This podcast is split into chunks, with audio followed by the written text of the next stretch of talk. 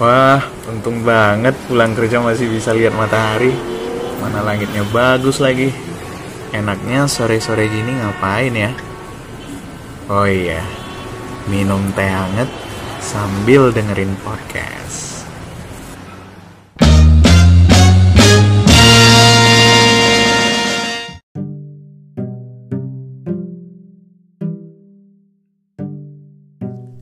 Halo, selamat sore semuanya. Perkenalkan aku Samuel Manalu dan selamat datang di podcast Teman Ngeteh Sore. Di sini aku akan berbagi banyak hal dengan kalian. Tentunya tidak terbatas pada satu lingkup tertentu saja.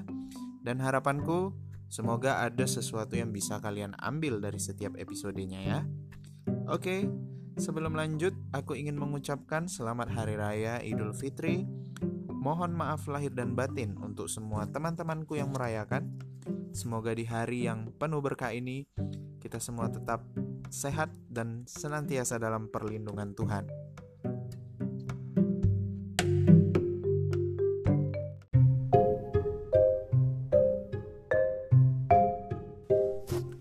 Sore ini cuaca di Waingapu yang biasanya panas dan kering kebetulan lagi mendung dan gerimis dan sejuk juga. Jadi memang sangat cocok untuk menikmati secangkir teh hangat untuk yang suka teh atau secangkir kopi hangat untuk yang suka kopi. Kalau saya sendiri sih lebih suka teh hangat sambil menikmati podcast yang seru ini. Nah, untuk kalian sendiri di kota kalian bagaimana cuacanya? Apakah hujan, sejuk juga atau mal malah panas dan terik? Tapi bagaimanapun cuacanya, mari kita syukuri saja. Pada episode yang pertama ini, aku ingin mengajak kalian untuk melihat sebuah fenomena yang aneh yang mungkin sebenarnya sudah ada di tengah-tengah kita, ka tapi karena ini terjadi pada public figure atau orang-orang yang sering dilihat oleh orang banyak dan mungkin akan menjadi contoh bagi orang banyak, maka saya pribadi cukup memperhatikan ini. Ya, seperti yang kita tahu, saat ini dunia sedang memasuki suatu era yang baru. Kalau menurut pemerintah kita itu istilahnya revolusi industri keempat atau revolusi industri 4.0.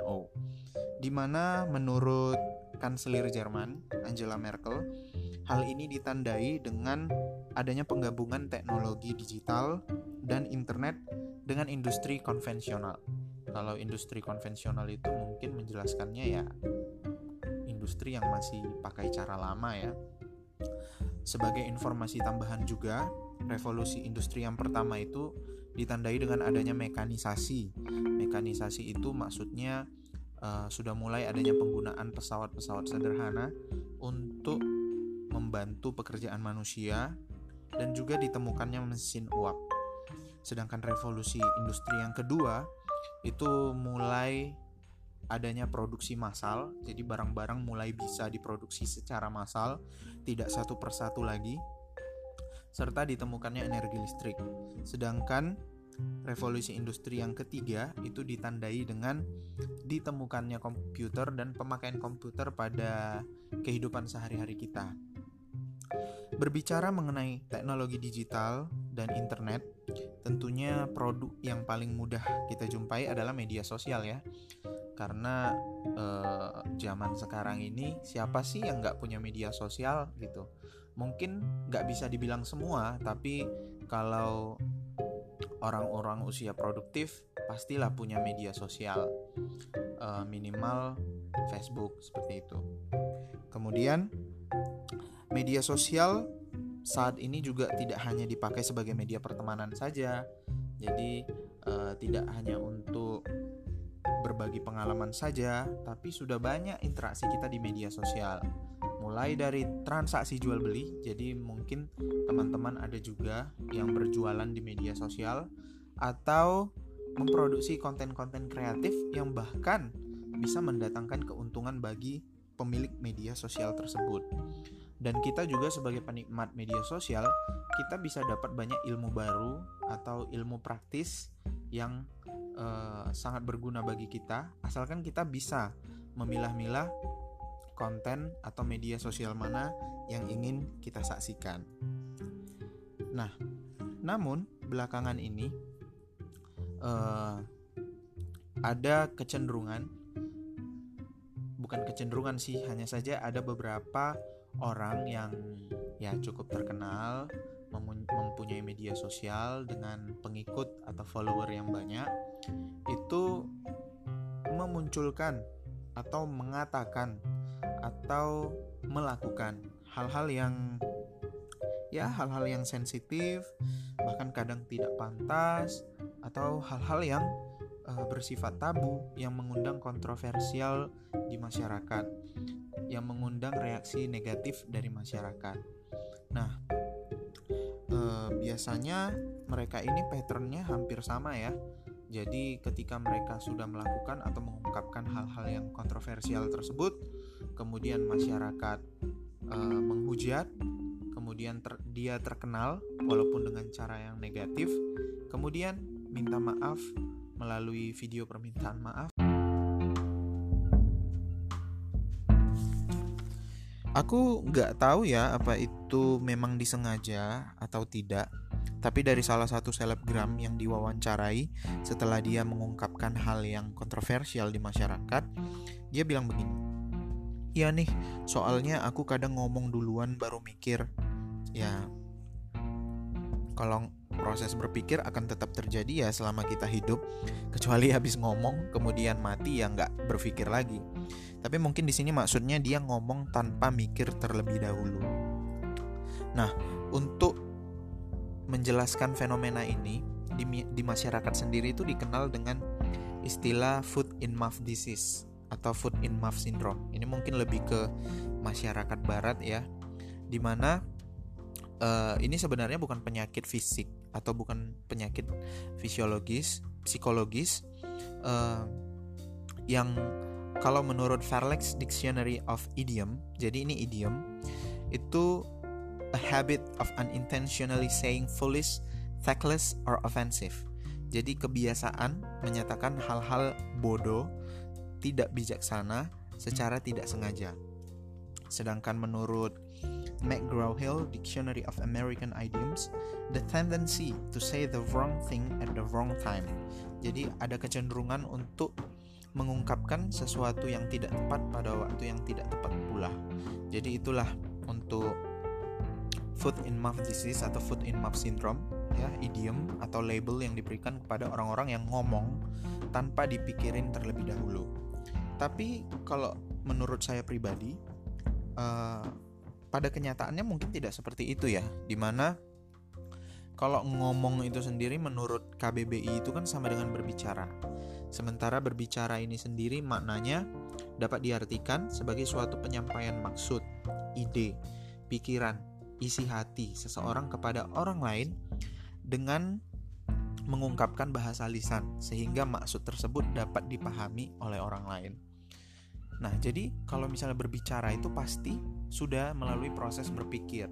Apalagi ada proses tanya jawab. Ditanya A, dijawab B dan B berhubungan dengan A. Itu pasti ada proses berpikir. Kecuali pada kondisi-kondisi tertentu ketika kita mengungkapkan kata-kata yang sifatnya hanya respon spontan. Misalnya ketika kita jalan, kemudian uh, tersenggol sama knalpot yang panas, kita bilang, "Aduh." Itu kan sebenarnya suatu bentuk respon spontan. Atau kalau misalnya ada orang yang latah, misalnya digelitikin, "Aduh, buset buset buset." Nah, itu sebagai respon spontan. Berbeda dengan ketika kamu ditanya A, kemudian kamu jawab B dan B itu berhubungan dengan A itu pasti sudah melalui proses berpikir. Bahkan uh, mungkin bisa saja pada proses wawancara itu kan biasanya topik atau mungkin pertanyaan sudah diberikan sebelumnya ya. Jadi bisa saja justru pernyataan pernyataan dari pertanyaan itu tadi, jawaban-jawaban dari pertanyaan itu sudah dipikirkan dan sudah direncanakan sebelumnya gitu. Jadi ya tidak ada yang tahu sih itu sebenarnya uh, nah kemudian uh, apakah mungkin terjadi ngomong tanpa dipikirin dulu. Nah, ini mungkin saja terjadi pada kondisi-kondisi medis tertentu ya. Misalnya di, bawah pengaruh alkohol atau di bawah pengaruh obat-obat yang bersifat sedatif atau obat bius atau misalnya ada masalah pada sistem saraf pusat atau otaknya atau mungkin uh, terjadi gangguan kimia pada tubuhnya, misalnya pada orang-orang yang gagal ginjal dan lain-lain. Itu mungkin saja terjadi. Tapi kalau misalnya pada orang sehat yang ditanya A dan dia dapat menjawab dengan baik dan berhubungan, ya saya rasa itu nggak mungkin terjadi. Pasti apa yang diomongkan sudah pastilah melalui proses berpikir.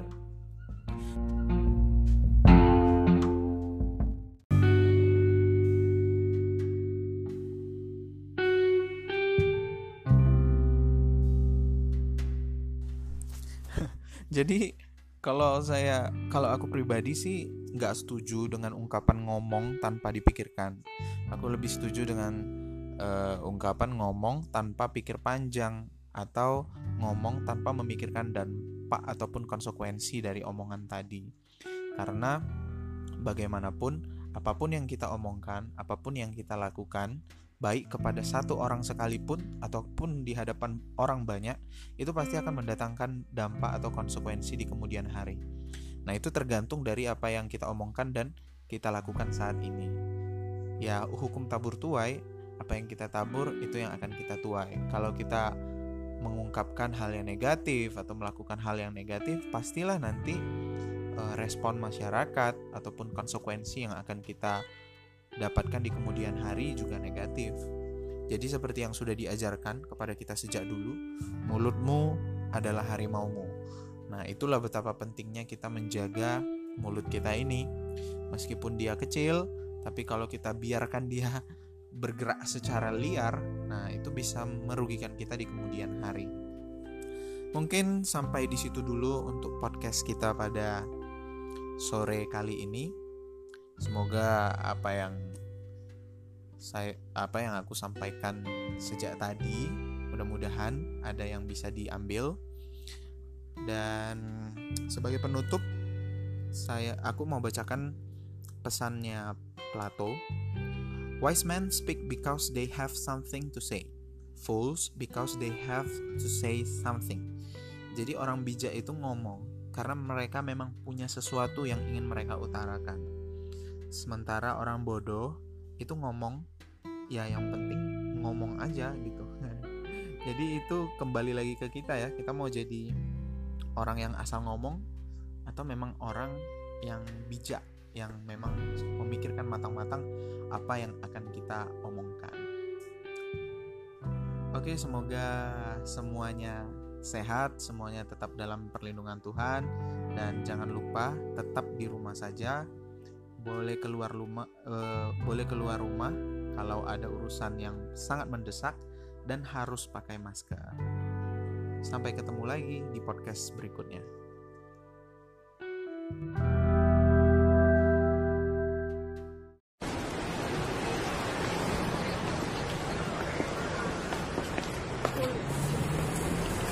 Wah, untung banget pulang kerja masih bisa lihat matahari.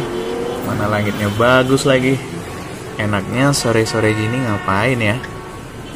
Oh iya, minum teh hangat sambil dengerin podcast.